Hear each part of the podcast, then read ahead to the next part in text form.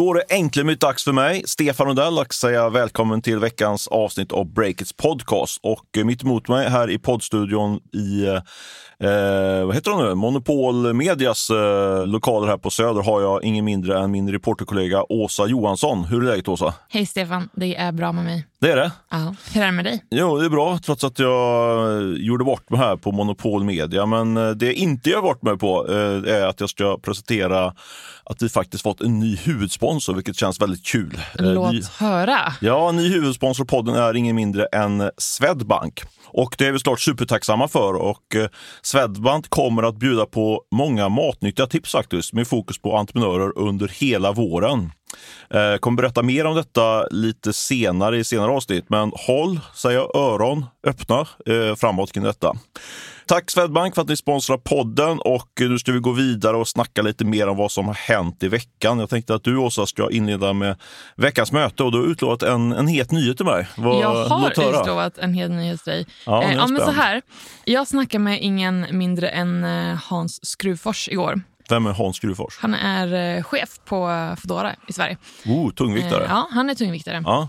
Det som hände var att, att deras pressis eh, faktiskt ringde upp mig och pitchade in det här. Jag trodde nästan att, att hon försökte så här, kollar hon nu om jag går på det här? För jag tyckte att det lät så himla märkligt. Aprilskämt eller? Nej, ja, men typ så här, så enkelt kan du lura en journalist typ.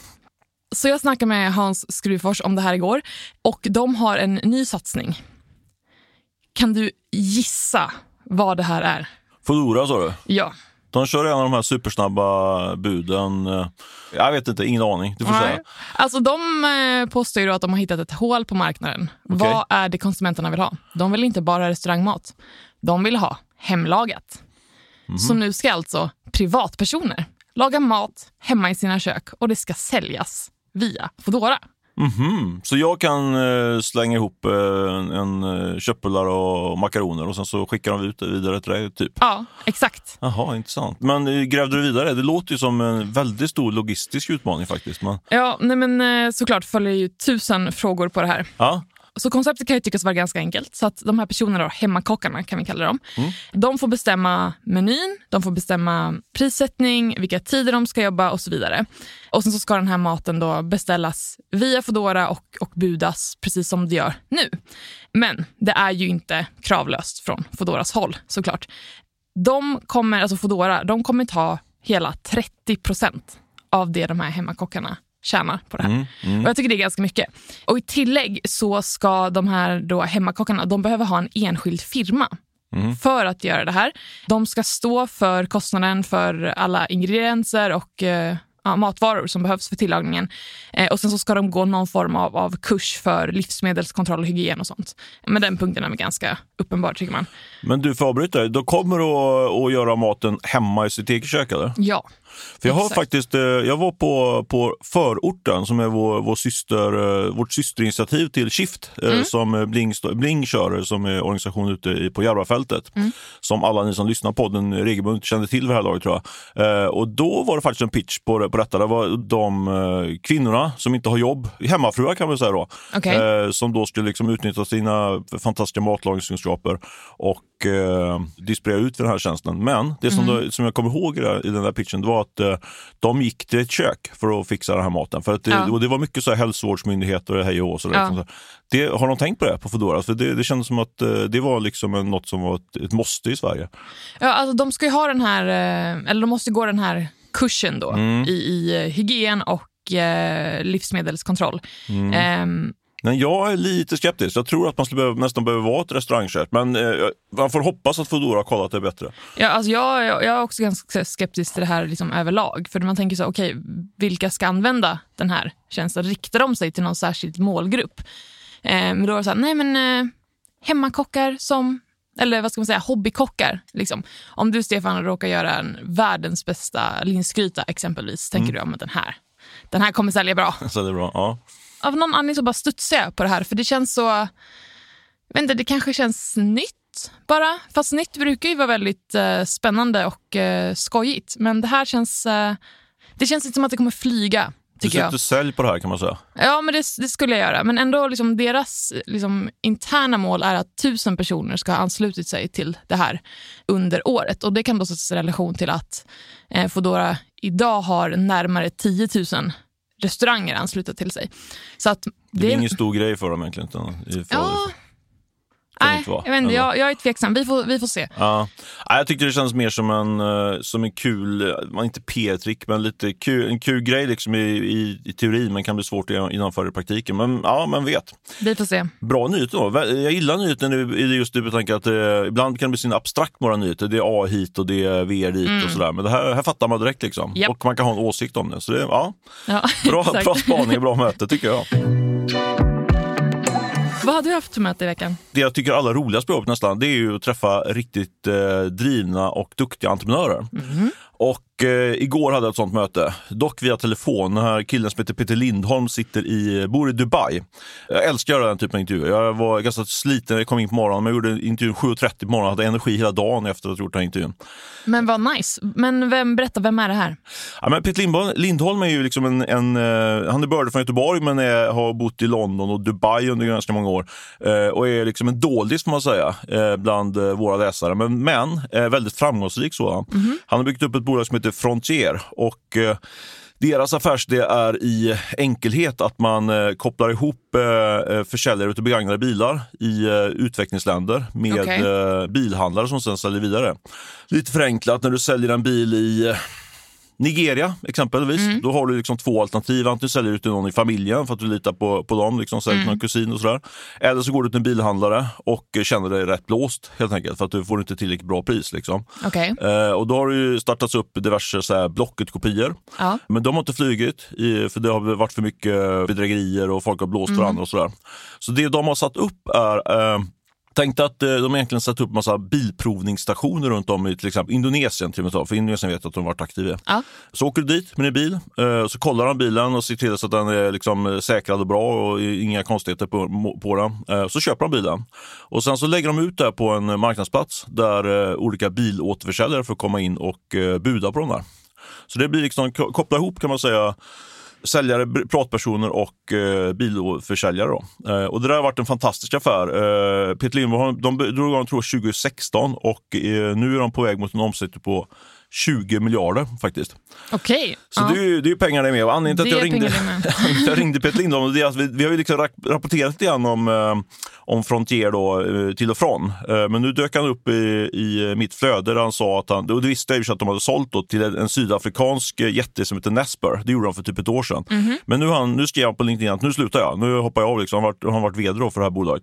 Då kontaktade jag Peter för att jag tänkte göra en intervju. För jag känner att vi, vi har liksom aldrig riktigt gått på djupet på vad, vad är det här för story liksom, och, och hela det paketet. då Ja. eh, som jag älskar att göra. Eh, så det var mitt möte eh, och det går att läsa om på Breakit. Lägg- Läggs ut nu klockan nio. Vi spelar in det här torsdag 8.23 just nu, men det finns ute på, på sajten när ni läser det här. Ja.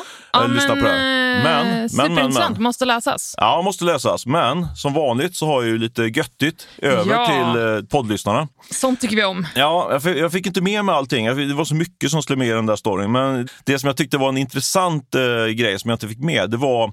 Eh, jag är ju ganska fascinerad av det här med att ta, ta in kapital. Hur går det till liksom, på, i, i praktiken? Och då berättar han om hur när de skulle göra sin B-runda som var ungefär på nästan en halv miljard. Eh, och, eh, sa att, och det var liksom nästan det mest kritiska läget som de var i. För det gick bra hela tiden för dem, men så började de in mer, men det gick fortfarande med förluster. De växte så mycket och sådär. De hade inte signat, men de hade, två stora investerare klara. De hade skakat hand eh, och allting var klart. Och sen drog de sig ur, de här två investerarna. Så då höll hela bolaget på att falla på det här. Och.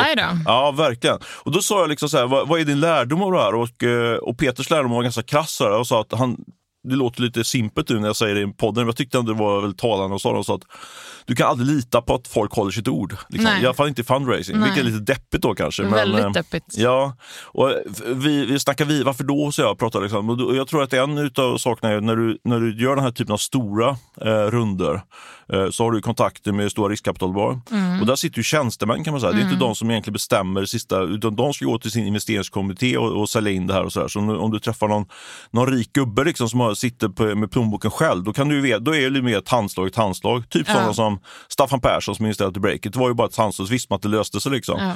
Men det problemet när du är uppe på, i den här eh, atmosfären, så att säga, då, det blir mer tricky. Liksom. Och hans ja. Eh, raka tips var väl, vilket också låter banalt när man säger det, men det var liksom stäng så fort som möjligt. Liksom. Alltid stänga affärerna så fort som möjligt, så man liksom inte har något ute eller osäkert. Du, du sa att du fick, du fick energi eller du, du var liksom på tårna resten av dagen. Mm. Vilken del av det här var det som verkligen liksom nådde dig? Som jag ofta upplever när man pratar om den här typen av entreprenörer, det är att allting känns eh, så görbart. Liksom. Eh, jag menar, det är ändå en grej att man ska dra igång, börja sälja begagnade bilar i Nigeria och Indonesien. Alltså, det, alltså jag ser ju bara problem. Liksom. Jag frågar honom om det. Liksom. men det är ett säkerhetshot och alltså, språk, hur mycket som helst. Ja. Liksom. Men han, också, han, den här typen av entreprenörer får en liksom bara tänka att ah, men det funkar, ah, men det går ju. Mm. De är väldigt, sådär, oftast väldigt eh, uh, outspoken. De säger liksom att det höll på att skogen och de blåste ja. mig. Och så. Det är inga konstigt. Mm. Liksom, så, så det, det, är väl det som gör att det, den, eh, den mixen av liksom ärlighet och ja. optimism gör att jag får mycket energi. Ja. Håller du med mig? Eller jag håller helt och hållet med dig. Och Jag känner verkligen igen den där andan av att man utgår från att allting ordnar sig till slut, att, att det blir bra. Men att man ändå är så här, ja men det kommer vara svinjobbigt. Och att det är den inställningen och då blir man så här, ja, Skönt! Ja. Liksom, nu du kör kanske, vi. Du kanske jag ska klara av att skriva en artikel till. Du, veckans snackis. Visst, det är, det är oroligt i Ukraina och mm. eh, vi är oroliga för inflation och allt möjligt. Men mm. jag måste ändå, vi får lämna det i sidan och jag måste ändå hävda att eh, en av veckans snackisar, det är faktiskt din och Martin Häner, vår reporterkollegas granskning mm. av Spotify. Ja. Ni har suttit i diverse tv-studios, eh, har refererats i en massa stora, tunga publikationer. Och jag tycker att vi ska plocka upp det, liksom den granskningen. Kort, kort vad det handlar om. Kan inte du sammanfatta det bättre? Du kommer sammanfatta mycket bättre än jag. Jag och eh, Martin Hävner har gjort och vi har blivit arbetsledda av vår chefredaktör Jon Mauno Pettersson. oh, det var politiskt korrekt. Ja. ja, det är bra. Ja, det är schysst. Eh, så vi har gjort en granskning om hur lätt det är att manipulera streams på Spotify och vad det får för konsekvenser. Det här var ju på tapeten för några år sedan och eh, då sa Spotify att nej men, det, det kommer bli bättre det här. Så vi ställde oss helt enkelt frågan nu för någon månad sedan, vad har egentligen hänt? Just det. Och har det blivit svårare att, att fuska till sig eh, streams på den här plattformen. Eh, men det visade sig att eh, det fortfarande är ganska enkelt. Ja, för ni köpte, hur många streams var ni 46 000? Ja, precis. att, eh, vad vi gjorde då, att vi tog faktiskt gingen till, eh, som inleder den här podden. Ja, det älskar jag. Den gick ju också på SVT Morgonstudion där. Det var ja, väldigt roligt precis. att höra. Ja. Och sen så loopade vi den laddade upp den på Spotify och skapade då ett bandnamn Masas. Cred till Martin där. Jag vet inte vart det namnet kom ifrån. Martin Masas, Martin, ja, ja kanske. Ja. Exakt. Eh, och så kallar vi den här låten för Loopy-Loop. Just det. Kort gott. Så det, det var verkligen inget så här, okej okay, här är det några som försöker bli artister, utan det var uppenbart att det här är ingen låt, det här är bara ett ljud. Liksom. Och sen rättar man fel, så i princip googlar ni hur köper man streams. Ni köpte streams för 16 eh, spänn, eller 900 spänn var det? Mm, 500 spänn. 500 spänn mm. och ni fick hur många streams då? 46 000 streams 46. på, eh, nu ska jag se så att jag inte säger fel här, men det var in, inom två veckor så hade vi fått eh, 46 000 streams. Så det var ju ganska enkelt. Ja, verkligen. Jag blev faktiskt förvånad över det. För jag, för jag har ju följt den granskningen på lite håll och sådär och eh, känt att det här borde de väl ha koll på på Spotify, ett sånt stort företag. Men det, det har de uppenbarligen inte. Var det liksom orsaken till att ni gjorde den här granskningen? Eller Vad vad var liksom, uh, upprinnelsen till själva granskningen? Så Om man säger så här, ja, men det, det, var ju ett par år sedan det här var på eh, tapeten och på radarn sist. Så vi frågade oss då, vad har hänt? Och det är absolut relevant att följa upp. För det var ju en snackis då, men pratet tystnade, man hörde ingenting nytt om det. Och sånt hade ju såklart så mycket annat också jätteviktigt att följa upp. Mm. Men upprinnelsen då var att först så tänkte vi eh, kika på om det går att eh, manipulera streams för poddar. Just det. Eh, vet inte hur mycket, mycket vi ska gå in på det här och nu. Det finns såklart att läsa i hela granskningen som finns på breakit.se. Ni försökte ju köpa, köpa poddlyssningar kan man säga. Ja. Eh, och om vi nu ska verkligen förenkla det så mm. misslyckades med det. Ni, fick, ni betalade, ni fick inga lyssninningar. Eh, och sen så när ni följde upp det så visade det sig att eh, det faktiskt hade fångats upp av Acast. Ja. Jag tycker att den är ganska intressant just med Acast versus eh, Spotify. Mm. Det, om man nu ska inte, vi är inte sponsrade av Acast där, utan såklart inte. Men jag menar, det, uppenbarligen så funkar ju det, det här eh, vad ska man säga, nätet på, på Acast. Men det gör inte det på Spotify. Eller? vi köpte streams för den här podden då, eh, som vi hade laddat upp på Acast och som sen distribuerades till bland annat Spotify. Men ingenting hände. Vi fick inga streams, eller vi fick några fåtal eh, från Bangladesh bland annat. Det var liksom det. Antingen har vi blivit blåsta av de här leverantörerna som skulle leverera streams och det hade ju inte varit helt osannolikt. Nej, för det är ganska oseriösa personer. Ja, liksom. absolut. Ja. Alltså, hela deras business går ut på att, att fejka, att luras. Liksom. Mm. Alternativt så har Acast upptäckt det här och satt stopp. Men då kunde vi inte fråga, för då skulle de ju upptäcka vad vi hade gjort. Just. Eh, men i alla fall, när vi till sist var klara med granskningen så hörde vi av oss till dem och då hade de ju sett att nej men här är någonting weird. Liksom. Mm. Så då hade de stoppat de lyssningarna. Men utifrån det kan man inte dra slutsatsen att eh, Acast eh, kontrollsystem är med, funkar men Spotifys eh, kontrollsystem uppenbarligen inte funkar. Ja, nej, jag, jag, Du tycker det är jobbigt? Ja, jag, jag- säger det då. jag vågar tycker, slå fast min-. Utifrån att jag läst den här granskningen tycker jag ändå att det mycket tyder på det, måste jag säga. Eh, Ja, alltså, att, det, är ju, det är inte så att, om man, om man ska gå liksom rent tekniskt, det är inte så, så att nej, men det går inte att stoppa. Uppenbarligen går det att stoppa i och med att Acast gjorde det. mm, mm. Eh, och eh, vi har ju såklart sökt Spotify eh, flera gånger för en kommentar på den här granskningen. Men det vi har fått är då skriftliga kommentarer där de bland annat säger att, eh, att de ser väldigt allvarligt på eh, manipulerade streams och att det här är en prio för bolaget. För det är ändå intressant om man ser liksom hela debatten kring Facebook och vad de släpper igenom för typ material på sin plattform. Mm. Acast är en mycket, mycket mindre plattform än, än Spotify eh, och de lyckas ju då stoppa det här. Och jag, min misstanke är ju, även om, om nu Spotify tar allvar på, på det, jag tror inte att man lägger ner tillräckligt mycket resurser på, på att stoppa det här från Spotifys sida. För jag, jag tror att det är, de, är ju, de är mycket, mycket större Spotify, mycket, mycket större plattform och då blir det, då kommer man till en punkt när man gör en, det här är ren spekulation, men min misstanke liksom är att att man gör någon form av risk-reward-analys. här. Alltså, ska vi verkligen satsa så här mycket pengar för att verkligen stoppa det till 100% eller ska vi låta det gå igenom typ 1-2% eller kanske 10% Det vet man inte riktigt utav de här streamen som är fejkade.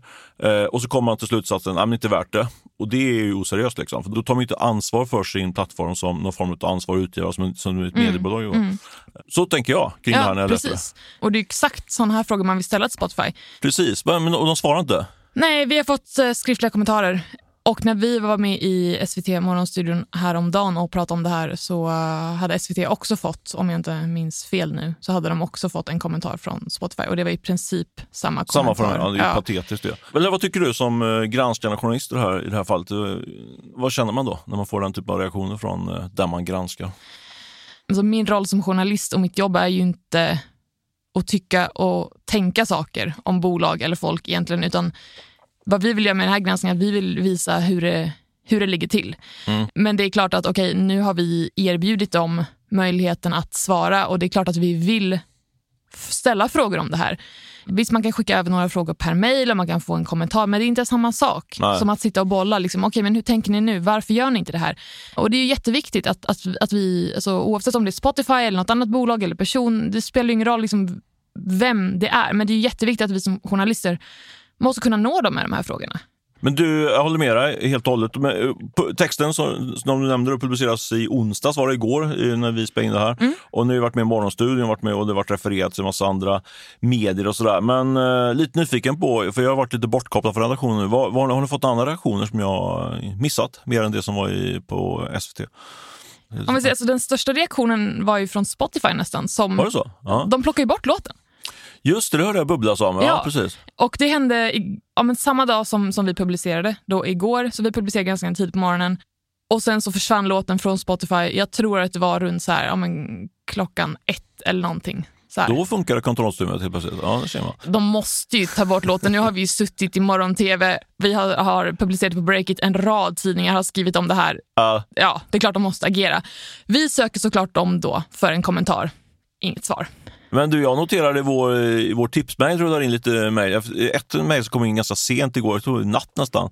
Så jag tyckte var lite roligt, liksom, för det var en, en som skrev att eh, jätteintressant granskning och jättebra ni gör det här. Så. Men sen började han ställa mer och mer, för det var en han tror jag, mer och mer så här detaljerade frågor om hur går hur kan man köpa hur går det till? Liksom? Alltså, det är uppenbart att han, att han såg en idé själv att köpa de här streamsen och han jämförde med liksom, är det här en bra affär? Hur mycket betalar man? Hur mycket får man i annonsintäkter? Så, så det, har du några tankar om det, liksom, att man man, eh, att man sätter folk på spåren kring det här med... eh, För, för det var en diskussion om eh, om man använder det här för penningtvätt och sådär. Polisen var ju ganska så tveksamma till hur man skulle... Om, de vill inte uttala sig så mycket om det här. Det, det finns ju det elementet också kanske, att man inte ska leda folk in på, på fel väg. Har du någon fundering kring det? Ja, absolut. Dels så har vi inte skrivit vilka tjänster vi använder oss av. Men med det sagt, vi har ju skrivit att det här var enkelt. Och vi har sagt, vi googlade och det var ungefär den ansträngningen vi behövde göra för, Ja. att, för att hitta de här. Och då kommer ju frågan då, okej, är det bättre om vi inte hade gjort det här bara för att folk inte skulle få upp ögonen för det? Det har diskuterats förut. Det är ingen grand slam att det finns såna här leverantörer eller Mm. Ja, bluffbolag eller kalla dem vad du vill. En normalbegåvad person eh, lyckas nog utan att läsa på Breakits, Breakits artikel. Ja. Ja, nej, men jag tycker det har varit superbra. Det har varit väldigt kul att- följa er på håll här i den här granskningen, du och Martin. Ni har, eh, ni har kämpat med det lite grann kan man säga, men eh, får bra utdelning. Hur känns det så här, nu när allting är klart? Nej, men det, är- det är jättekul såklart. Ett otroligt lärorikt och eh, intressant eh, uppdrag att göra. Eh, och såklart super, superbra teamwork. Men nu är du på nya heta, nya heta avslöjanden hoppas jag. Jajamän, Ja, såklart. Underbart. Ska vi gå vidare till nästa snackis då? Tycker jag. Det här har väl inte uppmärksammats på lika många håll. Men eh, Klarnas grundare Sebastian eh, Siemiatkowski har faktiskt reagerat. Vad var det här handlade om? Ja, vi går från eh, hylla dig som reporter och, och eh, granskare till att håna mig kan man säga som eh, poddare. Det var ju förra, förra podden eh, som jag var ute och stack ut hakan och pekade ut e-handlarna som, eh, eh, kan man säga, eh, när restrik- restriktionerna öppnas förlorare kan man kalla det. Ja, men precis. Och, eh, ja, men jag snackade om det och fokade en del på att eh, marknadsföringskostnaderna för e-handlare skulle gå upp ganska mycket som en konsekvens av att restriktionerna släpptes. Eh, kom ut massa nya resebyråer, eh, annonsörer också där fram och tillbaka. Jag fick ett eh, mejl där ganska omgående där jag fick eh, rejält med mothugg. Ja, Och, ja, vi skrev om det där också. Ja, men precis. Jag, jag satt faktiskt och funderade på hur fast ska jag göra det här? Hur ska jag ta det här vidare? Liksom? Har jag helt fel efter när jag läste det här? För det var nämligen ett mejl från Björn Torngren. Eh, vet du vem det? Berätta. Han är ju grundare och vd på Meds, eh, Mm. apoteket, eh, nätapotek som växer väldigt fort. Jag fick det där mejlet. Han hade en hel del bra argument, eh, tyckte jag. Tyckte han inte om vad du hade sagt eller höll han inte Nej, med? han, han, det var ett vänligt mejl, men han, han menar liksom att jag var fel ute om vi då tittar framförallt på det här med att marknadsföringskostnaderna hade ökat för e-handlarna. Det, det kände inte han igen sig i. Eh, och han pratade med ganska många e-handlare eh, som bekräftade det där. Så då fick jag det där mejlet på fredagskvällen tror jag var, sånt där. och han hade lyssnat på podden, vilka jag gillar. Men då brukar jag skriva ihop några eh, artiklar eh, som baseras på podden kan man säga och det går vidare lite grann. Så då gjorde jag en artikel som i princip innebar eh, med typ rubriken att eh, hade jag helt fel eller vad tror ni? Ja. Eh, jag har gjort bort mig nu igen. Liksom. Och där gillar Sebastian Klarna i alla fall. Eh, av rent sådär mediepress, eh, eh, tekniska skäl. Han gillar liksom att man kunde eh, på något sätt, vad ska man säga, inte pudla men ja, vara öppen med att man kanske hamnade fel och ta in information från andra håll och sådär. Jag själv eh, kände att jag måste gå lite mer till botten med vad, vad är rätt eller fel? Är det jag som har rätt eller är det Björn som har rätt? helt enkelt. Och eh, då ringde jag till eh, eh, min eh, sökordsguru, som jag brukar kalla honom, En Mikael. sökordsguru. Ja, han är expert på sökord och även grundare till den här sökordskonsultbyrån Pineberry. Okej. Mikael Wahlgren heter han. Nej, men han har bra, jättebra koll på det här med Go alltså sökord på Google och, och sökordsmarknadsföring. Eh, och eh, fråga helt enkelt honom, eh, hur ligger det till? Liksom? Mm. Och eh, tog han din sida här? Nej, det gjorde han inte. Gjorde han inte. Man kan säga både ja och nej. Det han sa var så här att eh, han hade siffror. Eh, han gick liksom till källan och kollade, hade kartlagt priserna för, eh, för sökord. För man kan ju då köpa, du kan ju köpa liksom, eh, sökordet eh, resa till Kanarieöarna. Och då finns det ett pris på det, där, på det här sökordet som man kan titta på. Och det han sa var, tyckte jag var väldigt intressant, som då gjorde att jag fick lite förhoppning om att jag ändå hade rätt. Men sen blev jag besviken. Men det som han sa var att, eh, att priserna på sökord, om man tittar på dem 2022, sista kvartalet, Ja. och jämför det med eh, 2019, sista kvartalet, så är de faktiskt upp 25 procent. Så det har ju då eh, i så, i så fall marknadsföringskostnaderna det, gått upp. det är ganska mycket. Ja, jättemycket. Men, då kom det stora männet då. Oj, det oj. innebär inte eh, som jag trodde då, att marknadsföringskostnaderna i, i praktiken har gått upp. Då. Får du ihop det här Åsa? Alltså att priset på sökord har gått upp men inte marknadsföringskostnaderna. Så är du med mig där? Nej. Alltså jag vet inte hur hela, hur hela modellen ser ut här.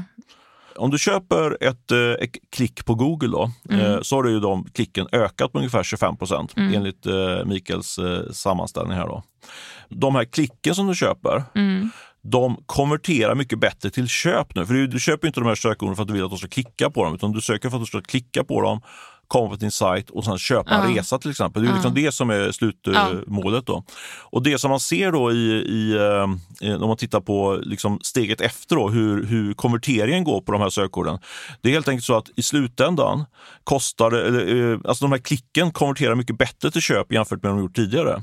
Så i slutändan kostar det idag ungefär lika mycket som tidigare då att få ett avslut då, eh, på Google. Så liksom, även om priset, du först betalar in lite mer pengar för klicken, mm. men sen så får du ut mer av varje klick kan man säga. Okej, okay. men betyder det att Google har blivit mer pricksäkra? Exakt. Nu då tenderar man att sätta på sig liksom sån här PR-konsulthatt för Google här. Och, eh, men jag lutar mig ganska mycket på Mikael Wahlgren på, från Pineberry här. För hans förklaring till det här är att man har att det här med något som heter smart bidding. Känner du till det begreppet? Nej. Inte jag heller. Det, kanske, det kan vara ett underbetyg både för dig och mig som, som är liksom techreportrar. Men det är något, ett fenomen som har ökat väldigt mycket på Google de senaste åren. Tidigare så var det om man var småföretagare så gå in och annonsera på Google Google, då gick man in och, så, och köpte ett antal sökord. Man köpte kanske ett sökord på re, massage eh, i Stockholm till exempel. Så pröjsar ja. du ett pris på det där. Mm. Och det är manuell budgivning. Då får du säga, jag är beredd att betala x kronor för att få den här, de här klicken. Liksom. Ja. Men det här med smart bidding som kommer väldigt starkt nu, som Google marknadsför själva väldigt mycket, det är att man att man istället säger till Google att jag är beredd att betala ungefär 400 spänn för att få en, en eller 400 mycket, men säg 100 spänn för mm. att få en massagekung då, ytterligare mm. en massagekung. Mm. Liksom. Eh, och sen så skickar du in det och sen löser Google hela eh, annonseringsprocessen och skickar vidare då eh, de här klicken till dig som sen genererar eh, bokningar på din massagesalong exempelvis. Okay. Då kan det vara så att du betalar ganska mycket per klick men det genererar ju också mycket mer affärer jämfört med när du själv gör den här egna, när du själv sitter och snickrar ihop de här sökordsbuden. Liksom. Med hjälp av smart bidding så får du hjälp och eh, optimera kan man säga din, eh, ditt eh, sökordsköpande mer än tidigare. Effekten kan bli att du betalar mer per sökord men du får bättre konvertering och då blir det i slutändan så att marknadskostnaderna sjunker. Okej. Okay. Än en gång, jag låter lite grann som en reklamförsäljare för Google och Smart Bidding här. Det men, gör du. men, men det, det, är i alla fall förklaringen till att, eh, att priset i, vid, första till, eh, vid första anblicken ser ut som att priserna gått upp då på, för, för sökord. Men om man tittar i slutändan då för vad, så, vad det här effekten är för e-handlarna så är det faktiskt så att det har legat ungefär flat, liksom, att det inte rört sig så mycket. Ah. Så för att konkludera det här. Jag hade fel och hade fel. Eh, Björn på Meds hade rätt. Jag pudlar. Vi ska rulla vidare till, eh, vi har veckans köp och sälj. Eh, ja. Vem ska börja? Ska du eller jag börja? Jag kan börja. Du börjar? Ja. ja. Eh, och jag tror jag börjar med veckans köp som är i mina ögon Marie Stolt som är vd på ett bolag som heter Understatement. Har du hört talas om de här? Nej. Nej. Var, vänta, var det, var inte de som höll på med underkläder? Nej. De håller på med underkläder, det Usch, stämmer. Ja. ja. du hade rätt Stefan. Ja, jag har sett den artikeln, men jag, ärligt talat har jag inte läst den. Så det var en kollega till oss på Breakit som skrev om, eh, om det här bolaget i veckan. Och eh, Understatement då, vad de vill göra? Jo, det är att utmana traditionella aktörer på marknaden för underkläder. Och Det vill de göra eh, med fokus på att sälja underkläder via egen e-handel och att göra det genom att arbeta tydligt värderingsdrivet. Eh, och vad innebär då det här? Jo, eh, så deras vd eh, Marie Stolt, eh, hon beskriver det som en grund i hela bolagets arbete eh, att göra det här. Och det är exempelvis genom budskap eh, om att få alla kvinnor att känna sig bekväma och inkluderade oavsett kroppsform, exempelvis. Mm. Och kan jag tillägga också att, att förra året så exploderade det här bolagets försäljning. Vid årets slut så landade den totala intäkterna på strax under 30 miljoner. Det är pengar det med. Bra det fart. Det är pengar det med. Yes. Du, eh, jag rullar på med, jag går jag lite mer negger då. Jag går på veckans sälj. Ja. Jag tror faktiskt att du hade Dan Ek förra, år, förra veckan på veckans sälj. Det hade jag. eh, jag tycker vi kan väl ta Dan Ek min flera på Spotify. För Mm. jag tycker, jag, jag vet inte, du var ju, ju liksom lite mer mer eh, professionell i, din, i din journalistiska, ditt journalistiska värv och inte lika irriterad över att, eh, att eh, Spotify inte replikerar på dina frågor och sådär. Men, men jag tycker ju att eh, deras info eller PR-avdelning gör ju helt fel i att de nonchalerar våra och SVTs och andras frågor. Och det där går igen på Spotify. Jag tycker det, liksom, det är ett amerikanskt beteende det här med amerikanskt storbolagsbeteende att man liksom inte svarar på frågor. Eh, Det är inte bara i de här frågorna. Det är ju typ omöjligt att få en kommentar från Spotify. Vilket jag tycker är under all kritik om man, är, om man eh, ska driva ett eh, innovativt och spännande bolag. Så jag tycker, eh, gör om, gör rätt säger jag till Don Lek den här veckan. Håller helt med dig. Ja, tråkigt, tråkigt. Men du, då har du din, du går på sälj också nu va? Jag går på sälj och eh, sälj den här veckan det är Bamboozers vd eh, Mariam Garmani.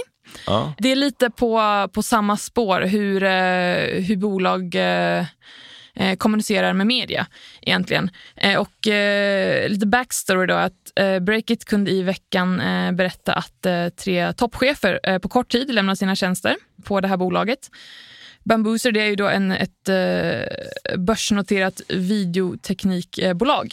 Live-shopping är väl deras stora grej va? Ja. Så vår kollega eh, ringde upp eh, den här vdn och ställde lite frågor och de, eh, de snackade om det här. Eh, och vår kollega då fortsatte att ställa frågor eh, och eh, Bamboozers vd blev eh, lite kritisk mot det här och säger att bolagets juridiska ombud kommer att kontakta Breakit. Hårda bandage. Ja, verkligen. Och eh, kort efter det här samtalet då, så får Breakits reporter ett mejl eh, där den här vdn eh, har CCat in bolagets chefsjurist. Vdn skriver att, att ingen av de här personerna då vill bli omnämnda i en artikel och det vill inte Babuser heller. Och så skriver hon att, att som jag sa till dig så finns det inget göttigt stoff att hämta här. Det var en ganska, liksom, vad, vad kan man kalla en, en alldaglig nyhet. Liksom. Okej, här har vi ett bolag. Det är några chefer som har slutat inom en viss tidsperiod. Okej, vi kollar läget. Men reaktionen från vdn, det blev ju till slut hela nyheten. Och att, att hon är vd på ett börsnoterat bolag eh, och en journalist ringer och ställer helt vanliga frågor om det här så drar hon till med eh, den här då juristen och på något sätt i mina ögon då försöker styra publiceringen lite grann. Vi är journalister. Jag förstår att hon gör sitt jobb, men vi gör ju också vårt jobb. Jag instämmer, jag har inget emot att. Nej, Ja. äh, Det finns så många fall av att nej, men intervjupersoner som ja, men ver- verkligen försöker styra hela texten, styra tid för publicering, styra rubrik. Och det är så här, Varför? Alltså, vi, vi är journalister. Vet folk inte vad vi gör? Nu låter jag jättehård här, hör jag. Eh, men så får det vara. Jag, Ja. säger, jag säger inte att, att alla så här, absolut inte. Men det, det förekommer ju. Håller med dig, du får, måste få ut lite aggressioner. Sen så, eh, ja men då har vi en agenda också antar jag. Sådär. Men i det här Ja, det fallet så, klart. tror jag, så tror jag att eh, de övertänkte det. Eller hon kanske inte tänkte alls, jag vet inte. Eh, man gillar ju folk som reagerar på, på känsla på ett sätt i och för sig. Men i det här fallet så, eh, ja, jag håller med dig. För att gå vidare på veckans, veckans köp för min del Ja. eh, så tänkte jag, jag tänkte så här, min, min veckans köp är Pure Fun.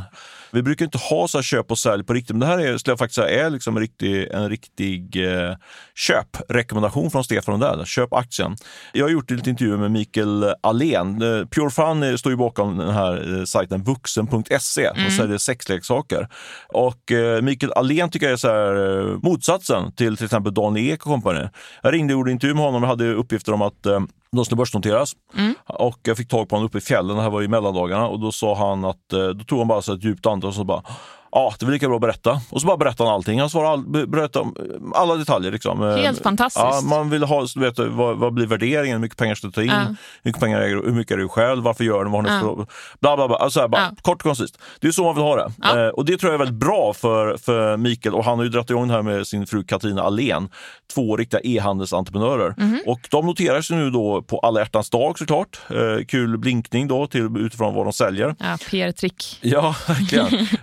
och de fick, eh, alltså, jag, jag, tittar, jag tycker att det känns som ett väldigt spännande bolag. Dels baserat på att eh, jag gillar när man får den typen av eh, feeling på entreprenörer när man pratar med dem. Inte bara för att de pratar vitt och brett, men jag fick liksom känslan på att det här var en kille som, som kan sitt eh, e-handelsgebit helt enkelt. De har en värdering på eh, ungefär en till en och en halv gånger omsättningen, växer bra, eh, har eh, lönsamhet. Eh, och jag har, gjorde faktiskt en säljrek till, nej, en köprek till min son här vid middagsbordet Okej. på Pure Fun. Så det visar bara på hur committed det är för det här. Och han, han, han agerade, han var inne och kollade på, på dem och funderade på att köpa, men han är mer sugen på att köpa Roblox nu som rasade efter rapporten här igår. Så vi får se. Det är det Eh, alltså. det pågår liksom en diskussion i familjen Lundell att, eh, att vi ska köpa på oss den här sexleksakstillverkaren. Vad tycker du? Ska man ha några skrupler och rekommendera en eh, sexleksakstillverkare till sin son? Jag tänker mer så här. Nu pratar vi aktier. Mm. Vi pratar inte vad är det bolaget säljer. Nej, Vi pratar är det här en bra investering? precis. Och då om de säljer det ena eller det andra, är det relevant? Om de inte är riktiga... De inte säljer vapen. Ja, exakt. De säljer ju njutning i någon bemärkelse, så det är väl bra. Eh, nej, men jag tycker att det är en, en köp helt enkelt på den där. Och hade, jag, hade jag varit en sån som handlar med aktier skulle jag faktiskt köpa på mig lite eh, aktier i eh, Pure Fun. Eh, jag tror att de har framtiden för sig. Mm. En riktig köprekommendation från dig alltså. Ja, verkligen. Ja, vågat. Ja. Eh, Du har sagt din köp, du har sagt din sälj. Ja. Eh, Då ska vi stänga ner poddbutiken för den här veckan. Eh, Vi har en ansvarig utgivare som heter Ola Aronsson. Vi har en huvudsponsor som heter Swedbank, vilket vi är väldigt glada för. Och jag hoppas att vi hörs nästa vecka. Ja. Jag säger tack och hej, vad säger du? Jag säger också tack och hej.